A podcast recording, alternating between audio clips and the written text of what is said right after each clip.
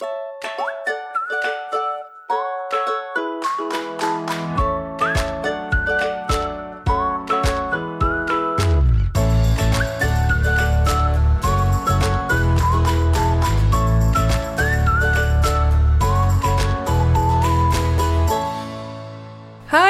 welkom bij een nieuwe aflevering van de Wat ik wou dat ik wist podcast. Mijn naam is Kelly en elke week deel ik wat ik wel eerder had willen weten en vertel ik verhalen waar jij als twintiger hopelijk in herkent.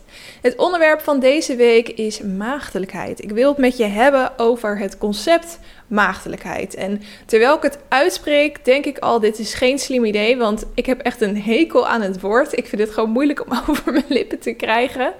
Uh, laten we daar ook straks zeker op ingaan waar dat vandaan komt. Uh, maar ik zag hier een hele interessante TikTok over. Over het concept maagdelijkheid en waarom zij vond dat dat bullshit is. En daar wil ik het graag met je uh, over hebben vandaag. Want ik denk dat zij best wel een interessant punt heeft. Dus daar gaan we een beetje op voortbouwen. Um, ik trap de aflevering weer even af met een terugblik op mijn eigen week. op mijn hoogtepunt en mijn dieptepunt van de afgelopen week. Uh, deze week is de eerste week dat er uh, testers bezig zijn met mijn cursus. Mocht je het gemist hebben, ik heb een cursus ontwikkeld voor mijn podcastluisteraars. Uh, aangezien dat vooral twijfelende twintigers zijn en ik zelf ook best wel met wat um, ja, verwarrende gedachten heb gezeten waar ik nou heen wil met mijn leven, waar ik nou in godsnaam gelukkig van word en hoe ik mijn leven daarop moet gaan inrichten. Uh, leek het me wel heel vet om um, ja, zoiets te maken waarbij ik mensen op dat gebied help. Dus de cursus Ontdek waar jij gelukkig van wordt, die heb ik uh, gemaakt. En dat is via Instagram, er zijn zes modules, zit een werkboek bij. En um, ik wil dat heel graag eerst eventjes testen onder een kleine groep, om te zien of het aansluit. En dan kan ik hem eventueel verbeteren en dan ga ik de definitieve uh, versie lanceren. En um, inmiddels heb ik dus 10 testers weten te vinden. En die zitten sinds maandag in het account. En die krijgen twee weken de tijd. En daarna ga ik ze erover wat vragen stellen. Maar ja, nu is het uit mijn handen. Dus dat vind ik best wel uh, spannend. En ik ben echt heel erg benieuwd wat ze ervan gaan vinden.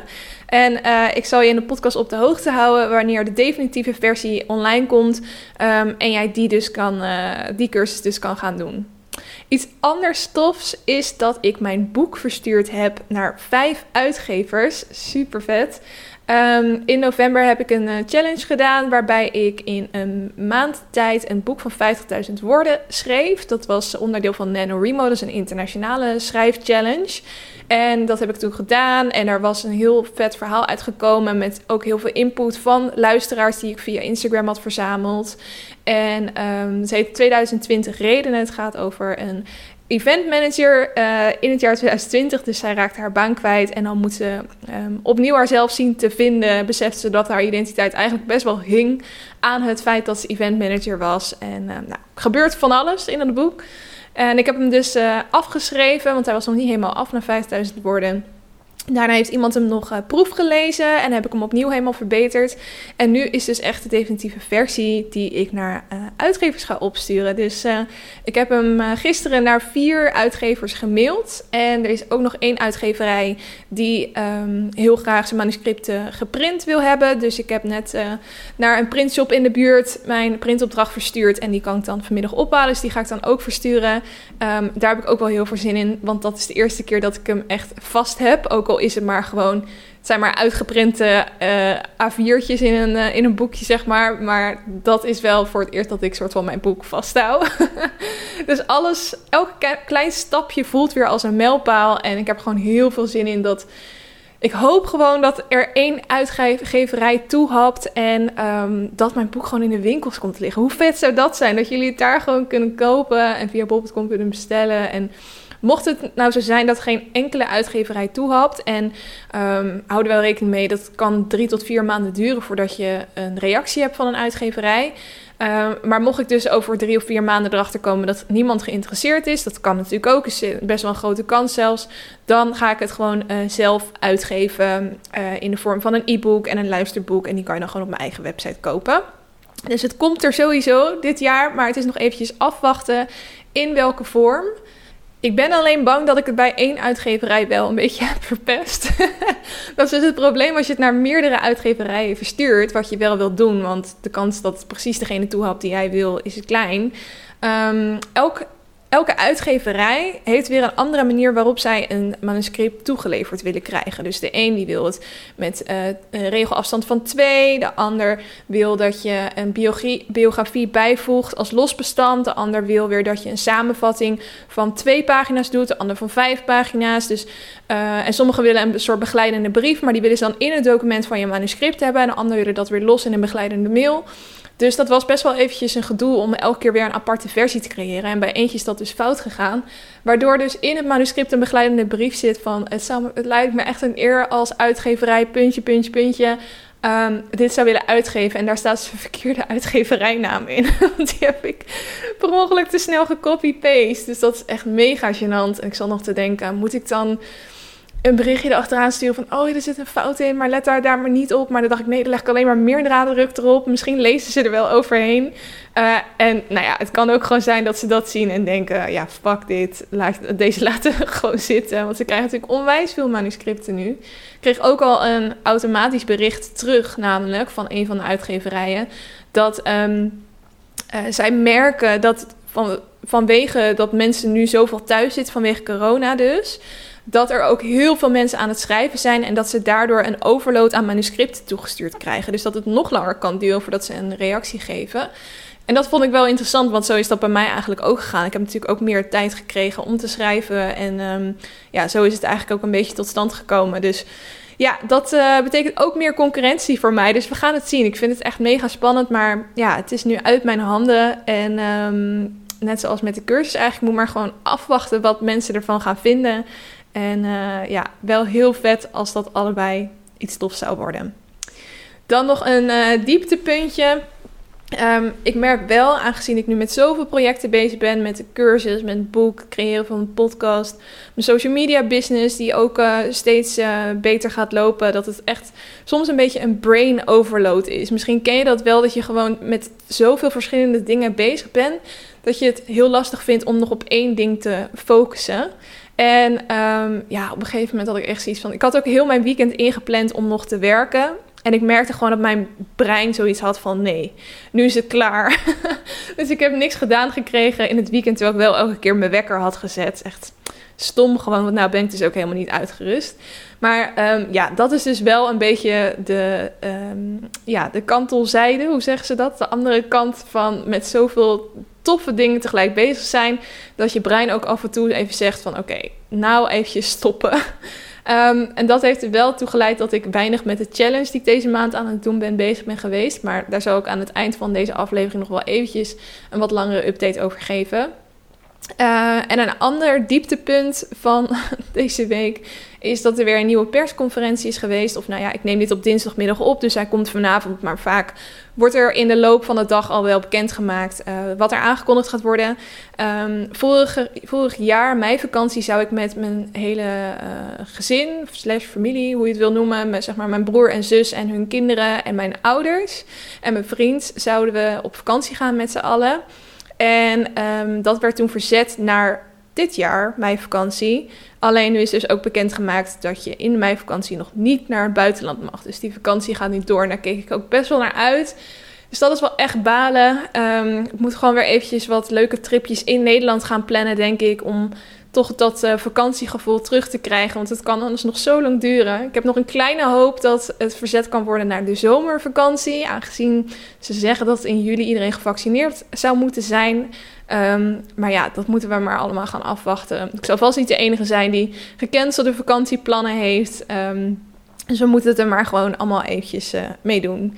Dus dat was een uh, update over mijn week. Uh, laten we dan nu doorgaan naar het lekker loeren blokje. Waarin ik op een luchtige manier de week met je doorneem en kijk wat voor celebrity nieuws er allemaal is geweest. Of nieuws over mijn favoriete foute programma's. Want daar gaan de eerste twee nieuwtjes over. Ten eerste Temptation Island Love or Leave, wat soort van de Amerikaanse, gebaseerd is op de Amerikaanse versie van Temptation Island. Super verwarrend allemaal, maar dat heeft weer net een andere insteek. Um, Nederlandse versie, uh, eerste seizoen, uh, is al geweest natuurlijk. En dat werd gepresenteerd door Monica Geus en Kai Gorgels. Vond ik echt een heel tof seizoen om te kijken. En um, het is dus bevestigd dat er een tweede seizoen aankomt. En dat wordt niet door Kai Gorgels gepresenteerd, maar door, wel door Monica Geuze. Maar in plaats van Kai Gorgels wordt het dan gepresenteerd door Victor Verhulst. Ja, ja, de zoon van Gert. En ehm, de reden dat hij vervangen is, is omdat ze het tweede seizoen weer een combinatie willen gaan maken van Nederland en België. En ze vinden dan blijkbaar altijd dat op het moment dat er zowel Nederlanders als Belgen meedoen, dat een van de presentatoren dan ook een Belg moet zijn. Wat ik op zich snap, maar ik vond het wel echt een heel leuk duo, Monica en Kai samen. En dat had voor mij ook prima mogen blijven. En um, ja, ik ben wel heel erg benieuwd naar dit seizoen. De opnames die vinden deze zomer plaats. Dus die zullen wel eindzomer of uh, begin najaar uh, te zien zijn. Dus ik kijk daar weer heel erg naar uit, naar dat seizoen. Ondertussen is ook nog de Amerikaanse versie bezig. Um, ook heel leuk om te kijken. Dat staat op Videoland trouwens. Dan, het, uh, dan nog wat, ja, wat oud nieuws eigenlijk. Dat ben ik blijkbaar vorige week vergeten te melden. Maar ik vond het toch wel even een dingetje. Ik had het wel op mijn Instagram gedeeld. Van wat ik wou dat ik wist podcast. En uh, jullie reactie daar gevraagd. Um, Tony Junior wordt een nieuwe bachelor. Want je had natuurlijk uh, de Bachelorette met Gabi Blazer. En je had ook nog Prince Charming natuurlijk, waarbij het dus alleen met mannen was. En um, de nieuwe um, hetero versie, zeg maar. die wordt dus met uh, Tony Junior als, um, ja, The Bachelor. Nou, weet ik niet of je wel eens een Amerikaanse versie van The Bachelor hebt gezien. Maar daar zo heb je echt de picture perfect boyfriends. Dat zijn zeg maar de mensen die als bachelor worden gekozen. Die op dates gaan. Het is allemaal heel correct of zo daar. Het zijn ook allemaal zelf soort types die eraan meedoen. En uh, ik vond het daarom juist wel heel grappig dat ze nu hebben gekozen voor Tony Junior. Want hij is natuurlijk helemaal niet de picture perfect boyfriend. Um, met zijn, uh, ja, zijn uiterlijk past er niet bij, maar ook zijn manier van praten en doen. Ik denk dat hij een hele bijzondere bachelor zal worden. Ik vind hem wel altijd heel um, tegelijkertijd irritant en fascinerend in interviews. Dus dat kan nog wel eens een heel interessant seizoen op gaan leveren. En ik ben ook gewoon heel erg benieuwd wat voor soort mensen uh, zich hiervoor gaan aanmelden. En hoe die dates dan zullen zijn. En um, ja, het kan twee kanten op. Het kan echt super leuk worden, maar het kan ook heel irritant worden om naar te kijken. We gaan het zien. Um, een ander nieuwtje. Maxime Meiland is weer zwanger. Ze had natuurlijk al een klein kindje, Claire, van twee of drie nu, denk ik. Um, maar dat is van een uh, man die al um, heel lang uit beeld is. Toen op het moment dat zij zwanger werd, zei hij eigenlijk, uh, nou ja, ik wil geen kind. En toen zei zij, ik wel. En sindsdien hebben ze dus geen contact meer gehad. En zij heeft Claire in haar eentje, nou ja, natuurlijk met haar gezin wel uh, opgevoed. En um, nou, die hebben we dan de afgelopen jaren gezien in uh, Château Meiland. Inmiddels heeft Maxime een uh, vriend, Leroy. En um, ze hebben elkaar leren kennen doordat hij ooit de leader kwam opnemen van het programma. Dat is de, de introductiebeelden, zeg maar, van elke show. En um, zo zijn zij eigenlijk een beetje verliefd op elkaar geworden. Wat wel grappig is, ik werkte ooit bij Radio 538 en daar werkte hij toen ook. Dus um, ik ken hem een beetje daardoor via via. Hij kent mij niet, denk ik maar ik hoorde wel eens verhalen over hem. Dus ik vond het wel grappig om te zien dat zij nu een relatie hebben. Uh, en het is pas zeven maanden nadat zij bekend hebben gemaakt dat zij een relatie hebben, dat zij nu ook zwanger is. En ik kreeg ook het idee, het is um, ook al een beetje op tv laten zien, dat ze er zelf achter kwamen en dat ze het gingen vertellen aan de familie. Um, ik had een beetje het idee dat het ook, zij nu zoiets hadden van we gaan het proberen en dat het gewoon direct was gelukt. Dus het was in ieder geval wel opzettelijk. En dat begrijp ik dan ook wel weer, want um, in Château Meiland was een aantal seizoenen geleden al te zien dat Maxime heel graag een broertje of zusje voor Claire wilde. En dat ze toen in Frankrijk op zoek ging naar een uh, zaaddonor. Nou, dat was dus uiteindelijk niet geworden.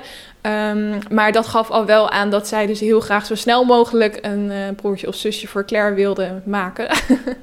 en dat heeft ze dus nu gedaan met Leroy.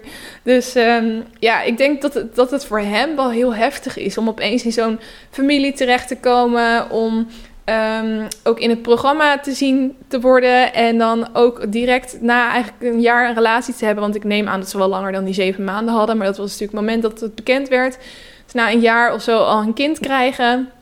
Uh, maar ja, het, uh, als het goed voelt, voelt het goed, denk ik. En uh, ik vind het wel heel erg leuk nieuws. Ik weet nog niet of het een jongen of een meisje is. Volgens mij is dat ook nog niet bekend. Ehm, tot slot het laatste nieuwtje, of nou ja, eigenlijk ook alweer oud nieuws, want het was afgelopen zaterdag. Ik had het gewoon compleet gemist. En dat was de streamers, of de livestreamers, hoe je het ook wil noemen. Maar het is een uh, groep van artiesten die dus uh, een livestream heeft gedaan. En daar kon je dan een kaartje voor Um, nou, je kon gratis een kaartje kopen volgens mij, maar je kon dan zelf wel bepalen wat voor bijdrage je eventueel wilde gaan leveren. En um, dan kreeg je dus gewoon een livestream van een. Uh, ja, het deed mij heel erg denken aan Vrienden van Amstel. Daar is het denk ik een beetje van afgeleid. Dat was natuurlijk ook online via een stream dit keer. En um, de artiesten die meededen mee waren nou ja, Frank Lammers, die was dan meer een soort manager. Guus Meeuwis, Kaantje Papi, Danny Vera, Bilal Wahib, Nick, uh, Nick en Simon.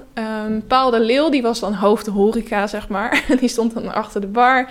Digidex, Thomas Acta, Paul de Munnik, um, Suzanne Freek, Tafina, Typhoon, Rolf Sanchez, Maan, Van Velzen en Snelle. Dus echt wel hele grote namen allemaal.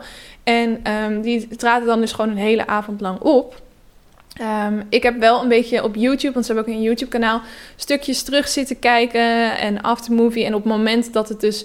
Ik zag het volgens mij zaterdagavond om 10 uur of zo. En toen was het net klaar of waren ze aan het afronden. Dus toen dacht ik, oh shit, het heeft geen zin meer. En ik heb toen wel op een website gekeken of ze dit nog een keer gaan doen. Maar dat um, staat er nog niet. Er staat nu alleen heel groot to be continued. En het is uh, een sponsoring door ING trouwens. Dus dat komt er ook wel elke keer veel uh, in naar voren. Um, maar ja, ik hoop dus dat ze, en ik denk ook wel dat ze nog een volgende versie, een volgende editie bekend gaan maken. En dan ga ik zeker kijken. Um, er was ook één nummer dat door Maan en door um, Nick werd gedaan. Toch, dat zeg ik toch goed? Nick? Ja. En uh, zij hadden samen Vivo Perlé gedaan. Dat is echt een van mijn favoriete Italiaanse nummers. Is zo ontzettend mooi. Mijn moeder hield heel erg van die uh, muziek. Dus ik ben er echt een beetje mee opgegroeid. Dat altijd zo'n cd aanstond van een soort operazanger. Um, maar zij hebben dus samen ook dat duet gedaan. En het was echt fantastisch. En daar hoor je mensen nu nog steeds over. Eigenlijk werd direct daarna gezegd door iedereen van... oh, breng dit alsjeblieft uit. Ik weet niet zeker of ze het ook gaan uitbrengen... maar het is dus wel uh, op YouTube released. Dus ik zat er net ook eventjes te kijken en het is echt prachtig. Dus zoek die zeker op op YouTube als je dat, uh, dat nog wil zien. En hoop op een volgende editie dus. Ik ben heel erg benieuwd. Wel heel tof dat ze dit soort initiatieven uh, nemen. En ik heb ook wel het idee dat zolang corona er nog is... dat dit wel um, ja, de nieuwe zet is. Want Kensington heeft dit volgens mij ook eerder gedaan. Ook op dezelfde manier dat je in principe gratis kan, kan kijken... maar dat je de optie krijgt om gewoon te betalen uh, wat jij wil. Dus als soort donatie. En dat ze daar makkelijk alle kosten uit uh, hadden gehaald. Dus dat dit concept gewoon best wel goed werkt. Dus um, ja, heel tof als hier nog meer edities van gaan komen. Dan gaan we door naar het Lekker Leven blokje, waarin ik je allerlei tips geef om jouw leven leuker te maken. En ik heb een kijktip, een luistertip en een doetip voor je. Um, ten eerste een kijktip. Ik heb een nieuwe serie op Netflix zitten kijken. Hij stond al een tijdje bovenaan op Netflix als aangeraden voor mij. Alleen ik was nog allemaal series aan het kijken die fucking veel seizoenen hebben. Dus ik kwam er maar niet, elke keer niet aan toe. En nu ben ik toch afgelopen weekend dat lekker gaan bingen. En het, ik heb het over Ginny en Georgia. Ik weet niet of je het al uh, hebt gezien. Als je het nog niet gezien hebt, ik vond het wel een heerlijke serie om te kijken. Um, waar het over gaat, de vrijgevochten Georgia en haar kinderen Ginny en Austin verhuizen naar het noorden om een frisse start te maken, maar merken dat de weg niet is geplaveid met rozen, al dus Netflix.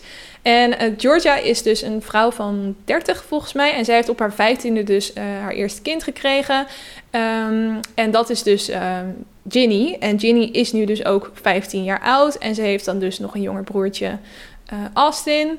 En um, nou ja, Georgia die heeft, heeft eigenlijk met haar kinderen elke keer gevlucht van plek naar plek. En um, heeft vooral een handje van om heel goed mannen te kunnen verleiden. En uh, op die manier dus um, ja, op eigen benen te kunnen staan. Omdat ze elke keer weer geld weet af te troggelen. Ik weet het niet. Alleen, ja, dat is voor de kinderen dus wat minder leuk. Want zij zien elke keer mannen in en uit hun leven gaan. En uh, dat maakt het allemaal heel lastig. En je ziet dus ook heel... Het, het is best wel een soort middelbare schoolserie. Als in dat je Ginny de hele tijd op de middelbare school met haar vriendinnen ziet. En ik leer ook allemaal nieuwe dingen. Het doet me wel heel erg beseffen hoe oud ik ben. Want ja, ik, en, en het brengt me ook best wel terug naar mijn middelbare schooltijd.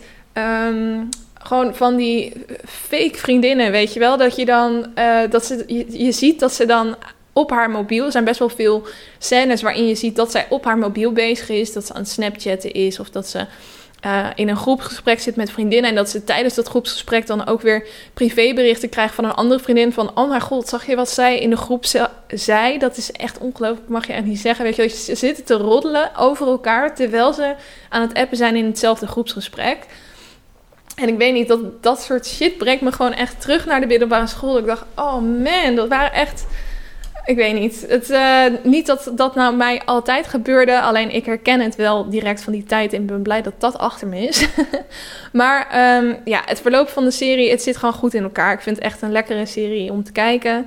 Um, ik heb ook Yes Day gekeken. Maar daar ben ik maar voor 20 minuten ingekomen. Want het blijkt dus echt een soort kinder-slash-familiefilm te zijn. Het is een dag waarop twee ouders, uh, zij hebben drie kinderen. En um, dan is er een dag waarop die kinderen um, alles mogen doen. En die, die ouders die mogen geen enkel moment nee zeggen. En dan zie je dus die hele dag, maar het is een beetje kinderlijk geschoten. Dus ik zou dit vooral met je kleine broers of zusjes kijken, maar niet zelf aanzetten. Dus dat nog eventjes kort. Dan een luistertip. Uh, er is een nieuwe album van Justin Bieber uitgekomen, jongens. En ik kreeg gelijk een melding op uh, Spotify, want Spotify weet wat ik leuk vind. het album heet Justice en er staan uh, nou, een aantal bekende nummers op, maar ook een, um, een hoop nieuwe nummers. Echt wel hele toffe nummers. En eentje die nu volgens mij een beetje als single gepromoot wordt, in ieder geval ik zie hem overal voorbij komen, is Peaches. Dat is een samenwerking met Daniel Caesar en Givian. Um, namen die mij niet direct bekend voorkwamen, maar ze zijn wel echt mega goed. En wat ik wel grappig vond, ik was dus net Ginny en Georgia aan het kijken. En Georgia heet zo omdat ze dus uit de staat Georgia komt. Um, haar kinderen zijn ook vernoemd naar staten. Dus Ginny is eigenlijk Virginia. En Austin is natuurlijk ook een, een plek. En, um, maar ik was dat nummer van Justin Bieber aan het luisteren en die nieuwe single. En hij zegt dus letterlijk: I got my peaches out in Georgia. En ik was net die serie aan het kijken. En soms heb je dat wel eens. Dan zie je bijvoorbeeld, weet ik veel, dan ben je geïnteresseerd in het kopen van een bepaalde auto. En opeens zie je overal op de weg die auto rijden. Weet je, als je dan een bepaald. Um, uh, het soort tunnelvisie of zo. Want ik geloof echt niet dat je het dan opeens meer ziet in je omgeving. Misschien heb ik een, drie maanden geleden ook wel een nummer geluisterd waarin ze het hadden over de staat Georgia. Maar toch denk je dan nu van, nou, dat dit is gewoon toeval, dit is een teken, waar komt dit vandaan, weet je wel? Um, en die Georgia die noemt in de serie dus ook heel vaak haar kinderen Peaches. Dus nou, ik vond het een mooie samenloop van omstandigheden. Maar het is een goed album. Ga het zeker luisteren. En uh, ja, Justin Bieber blijft het gewoon altijd goed doen. Dat is echt uh, ja, heel knap hoe hij dat elke keer weer doet. Tot slot een uh, doetip. Um, en dat is een online doetip. Wat wel heel leuk is, aangezien het nog niet heel veel beter gaat met de coronabesmettingen. En we dus nog wel eventjes thuis zullen zitten. En um, voornamelijk uh, online zullen af moeten spreken. En dat is backyard.co. Um, en dit is dus weer zo'n toffe tool waarmee je dus online uh, spelletjes met elkaar kan doen. Dus je hoeft alleen maar naar die website te gaan en een soort uh, ruimte aan te maken. En dan um, ben je dus tegelijk aan het videobellen en allerlei toffe online games aan het spelen. En die, die game die komt dan groot in beeld en dan zie je eigenlijk de uh, cirkeltjes met het videobeeld van iedereen eromheen. En dan kan je dus met elkaar gewoon zo'n spel spelen. Ja, ik vind het gewoon heel slim bedacht. En je hebt keuzes uit allerlei verschillende spellen. Dus um, ik, bij mij staat dit sowieso op mijn lijstje om aankomend weekend te gaan doen. Ik kreeg het weer als tip van iemand anders. En toen ben ik even de website gaan bekijken en dat zag er echt heel cool uit. Maar misschien is het voor jou ook nog wel een leuke tip. Uh, ja, om weer eens met uh, vrienden of vriendinnen af te spreken en spelletjes te doen als van ouds, maar dan dus online. Nou, dat was het Lekker Leven blokje. Dan gaan we door naar het hoofdonderwerp. En het hoofdonderwerp is dus maagdelijkheid. Uh. vind dat echt een... Uh, ja, niet zo heel chill woord om uit te spreken. Dan vind ik het Engelse virginity misschien nog wel beter. Um, de aanleiding voor dit onderwerp was een TikTok die ik zag. En die TikTok had dus meer dan 2 miljoen weergaven. En ehm, ja, ik vond dat hier best wel wat waarheid in zat. Dus ik wil dat eigenlijk eerst eventjes laten horen. Want het, het is gewoon een TikTok van een, vrouw, een moeder die in de camera aan het spreken is. Dus op zich heb je aan de audio ook voldoende. Um, je hoort aan het begin nog eventjes een, een andere stem, want dit is een stitch. Als je niet weet wat het is, op TikTok kan je dus een video um, maken waarop je bijvoorbeeld zegt... vertel me het eerste moment dat je wist dat je partner de ware is of zo. En dan kan jij dus die video stitchen. Dus dan pak je hem eigenlijk tot een bepaald punt. En dan maak je daarachter een deel eigen video. Dus dat op het moment dat je nog een andere stem hoort, zij zegt dus eigenlijk: vertel me um, een manier waarop jij je kinderen opvoedt, um, die andere mensen heel raar vinden. Oké, okay, ik ga hem eventjes laten horen. Name something about the way you raise your kids that people. I'm gonna get a lot of shit for this, but what are you gonna do? Um, oh, I got chilling on my boobs. Ignore me. Um, I'm raising my five daughters to believe that there is no such thing as virginity. It is a patriarchal concept used to control women and serves no purpose other than making women feel bad about ourselves. Um, just because some guy randomly sticks his penis in you at some point in your life does not change your worth. It does not change who you are.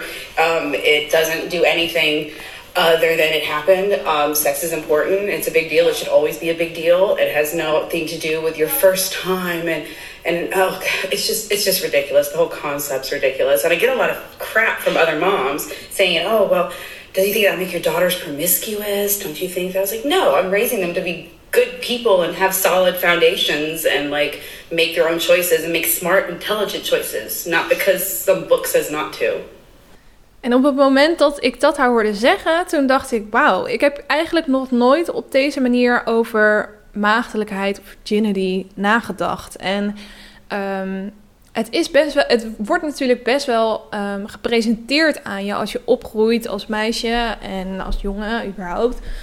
Als een big deal gewoon. Natuurlijk, elke stap is uh, een big deal op het moment dat je ongesteld wordt, op het moment dat je eerste zoen hebt of je eerste vriendje hebt. Maar het moment dat je voor het eerst seks hebt met een jongen, nou, dat wordt echt.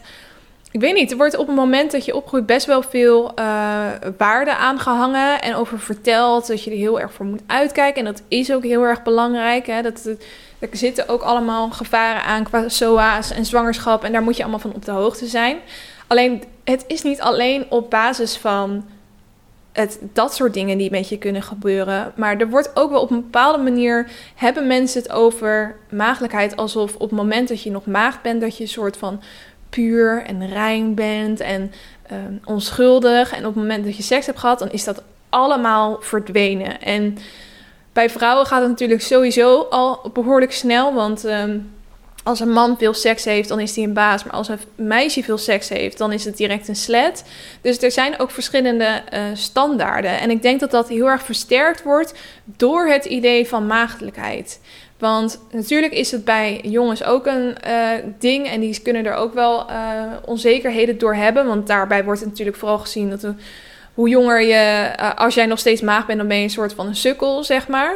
Um, maar bij uh, vrouwen wordt er heel erg ja, op een soort ethische manier naar gekeken, die ik zelf heel erg raar vind. En die kracht van taal, die is zo ontzettend groot. Want op het moment dat je het op deze manier gaat benaderen, van je bent maagd of niet, creëer je eigenlijk dus twee groepen. Je hebt mensen die hun maagdelijkheid nog hebben, de, de onschuldige, de reine mensen. En dan heb je de mensen die maagdelijkheid verliezen. En dat woord verliezen, dat maakt het denk ik ook zo sterk. Van ja, ik heb mijn maagdelijkheid verloren. Niet dat iedereen het nou precies op die manier uh, zegt. Maar um, het, het feit dat eigenlijk wordt daarmee het idee geschept dat jij hebt iets. En dat heb jij uh, bij je geboorte al gekregen. En dat draag je de heel je leven bij je. En op het moment dat een jongen zijn piemel in je steekt, dan ben je dat dus eigenlijk verloren. Dus het, het voelt heel erg alsof het een soort deel is van jouw identiteit, wat je uh, in ruil voor seks soort van weggeeft. En ik denk dat dat echt enorm problematisch is. Ik um, heb soms wel eens met dit soort begrippen dat ik denk, zeg, heb ik het wel zo, goed, zo in mijn hoofd als dat eigenlijk de definitie is. En dan ga ik eventjes naar Wikipedia om te kijken wat, hoe maagdelijkheid daar wordt omschreven. Dus dat is misschien wel interessant om even gezamenlijk door te nemen. Daar wordt gezegd, maagdelijkheid is de staat van een persoon die geen geslachtsgemeenschap heeft gehad. Dus oftewel gewoon heel objectief eigenlijk.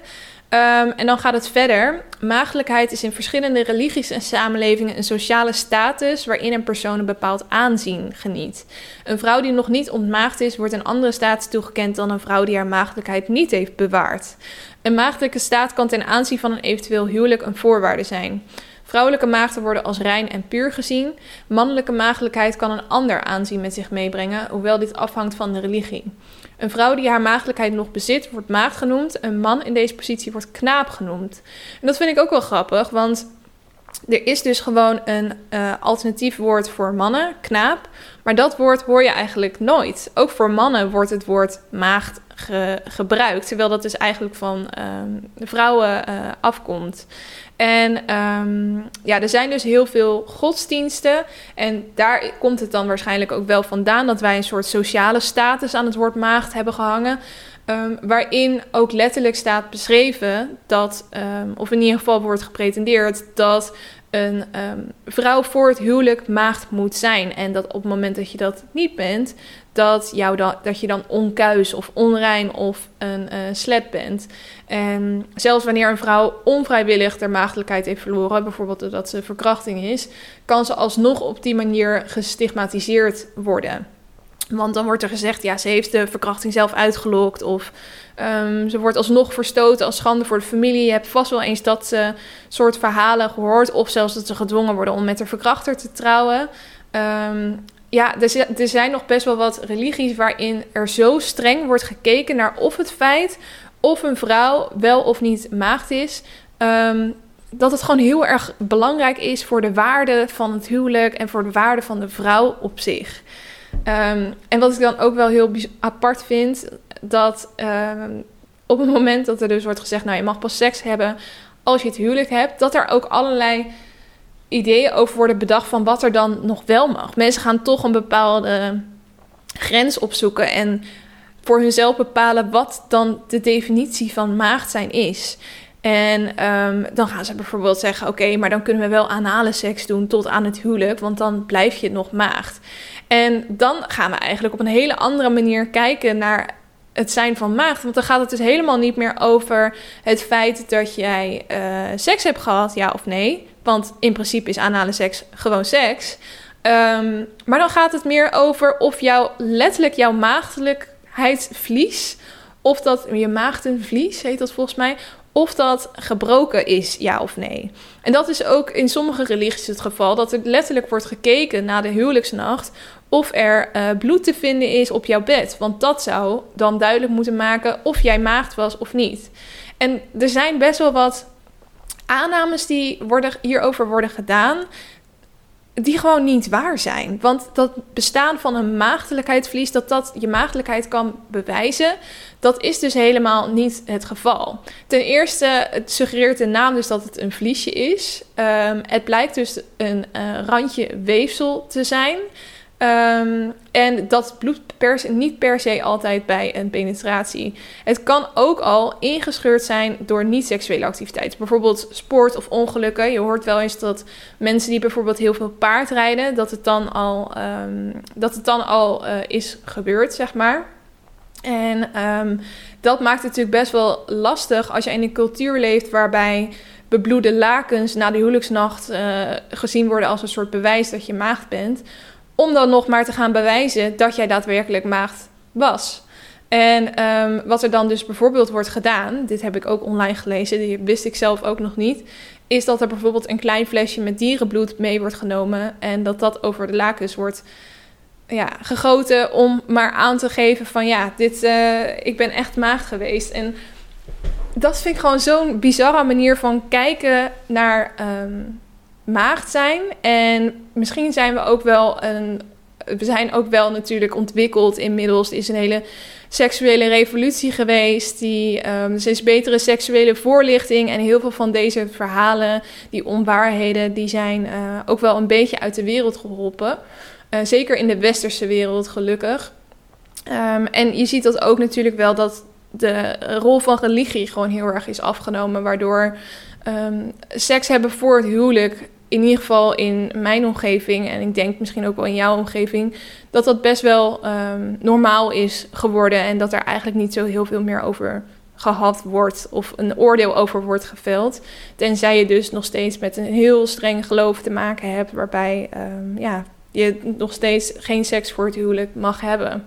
Wat ik wel ehm, bijzonder vind trouwens, is dat ik altijd dacht dat in eh, de Bijbel stond dat jij geen seks voor het huwelijk mocht hebben. Nou, ik heb natuurlijk ook wat onderzoek gedaan voor dit onderwerp voordat ik uh, de podcast startte. En toen kwam ik erachter dat dat dus helemaal niet in de Bijbel staat.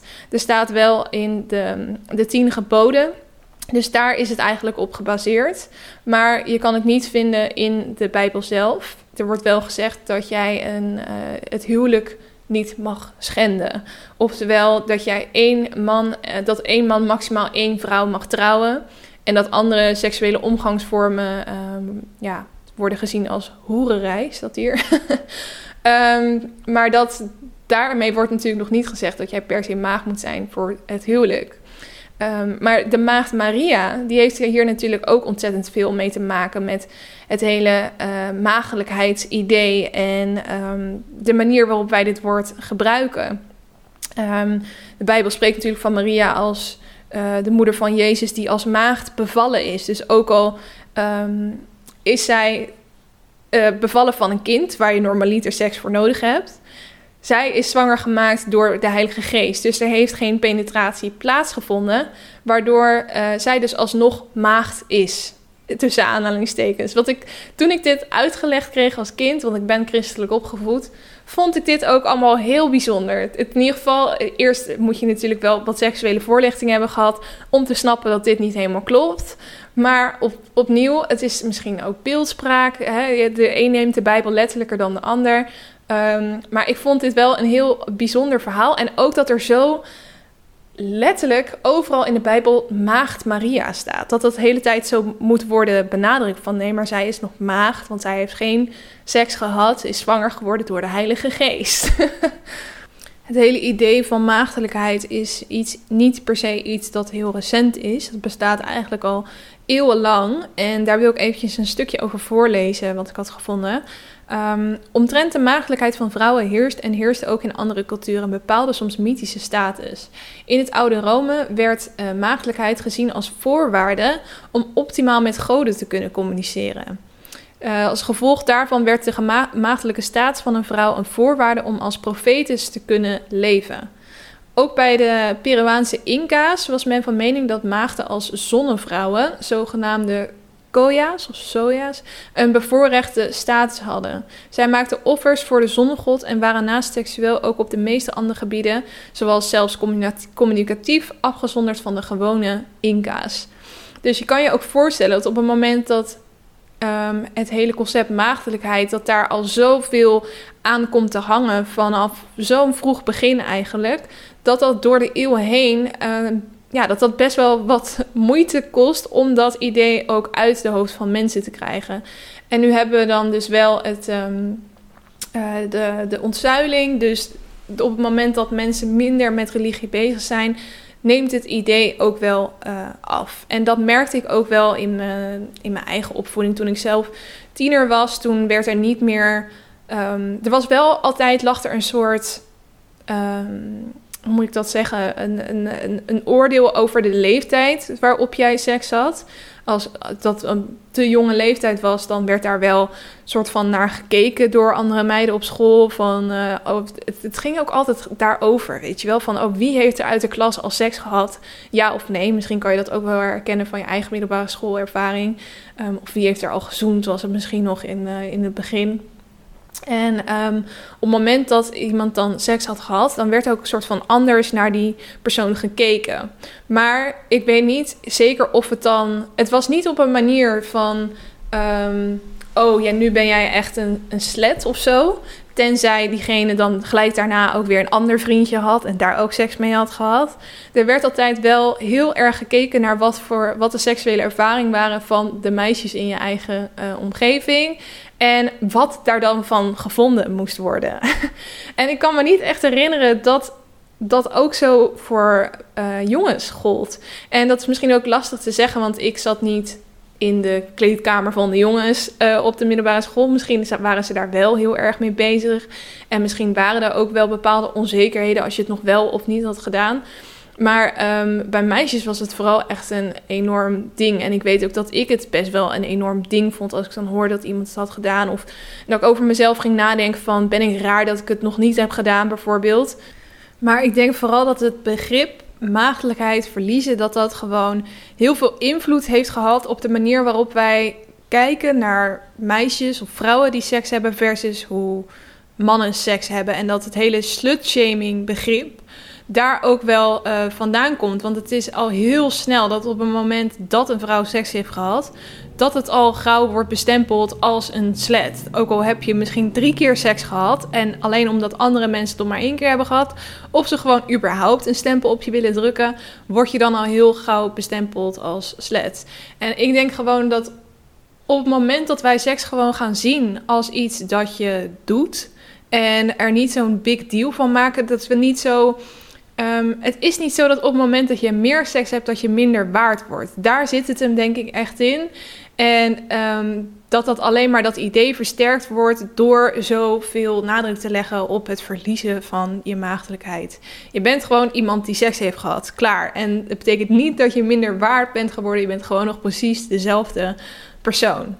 Nou, ik ben heel benieuwd wat jullie van dit uh, onderwerp vinden. Laat me dat zeker eventjes weten door een uh, berichtje te sturen naar uh, wat ik wou dat wist de podcast op Instagram. Ik hoop dat ik niet te veel gelovige mensen tegen de schenen heb geschopt of dingen heb gezegd die niet kloppen. verbeter me dan vooral. Maar ik, um, ja, dit is eigenlijk gewoon hoe ik in de discussie sta. En um, ja, dat wilde ik gewoon heel eventjes meegeven aan jullie. En ik ben dus heel erg benieuwd wat jullie ervan denken. Um, dan gaan we nog tot slot door naar de challenge. De challenge die ik in de maand maart doe, is om elke dag een nieuw iemand te benaderen. En met als idee van, nou ja, daar kunnen best wel mooie dingen uit ontstaan. Nieuwe vriendschappen, nieuwe werkkansen, et cetera. En uh, ook gewoon een beetje vrolijkheid in je dag creëren. Want je bespreekt al zo weinig mensen. Dan moet ik zeggen dat elke dag niet echt lukt. Ik denk dat ik het om de dag doe en het is grotendeels online, maar ik probeer het ook wel uh, steeds vaker in het echt te doen. En um, ik was, je komt natuurlijk alleen gewoon niet zoveel buiten. Dus toevallig was vorige week dan het uitje van de week uh, het stemmen. Dus ik was met mijn vriend naar het stembus gegaan. En um, dan kom je soms op locaties terecht in je omgeving waar je nog nooit bent geweest. Nou, zo was het dus ook voor mij. Er is hier zo een, uh, een tent in de buurt en dat heet Club Atelier. En um, daar zo was ik zelf nog nooit geweest. Want ja, op het moment dat ik het ontdekte was het corona en toen was alles gesloten. Um, maar we stonden daar zo dus in de rij en ik hoorde mensen achter mij praten over wat dit normaliter was. Was nu dus een stembureau, maar wat, wat je er normaal kon doen. En ik was daar best wel nieuwsgierig naar. En toen heb ik me dus ook gewoon omgedraaid. Ik zeg, hey, sorry, ik uh, hoor je hierover praten. En wat is dit dan normaal voor tent? Dus hij uitleggen van, nou, je kan hier ook eten. En soms dan worden clubavonden georganiseerd en... Uh, dus nou, dat was best wel leuk om gewoon weer even nieuw iemand te spreken en ook wat informatie te krijgen over die plek. Um, en voor de rest uh, heb ik dus nog wat leuke uh, online gesprekken gehad met um, mensen en uh, veel complimentjes gegeven. En daar worden andere mensen ook weer blij van. Dus ja, ik vind het wel echt een toffe challenge. En nog één weekje. Dus um, volgende week dan hoor je van mij wat uitgebreider hoe deze maand is verlopen. En ik hoop ook dat de mensen die eraan meedoen ook heel veel plezier uit deze challenge halen. En die zal ik ook eventjes vragen hoe het hun is uh, vergaan. Dus dat hoor je volgende week allemaal. Um, ik hoop dat je het uh, een leuke aflevering vond. En ik wens je weer een hele fijne week toe. Doei doei!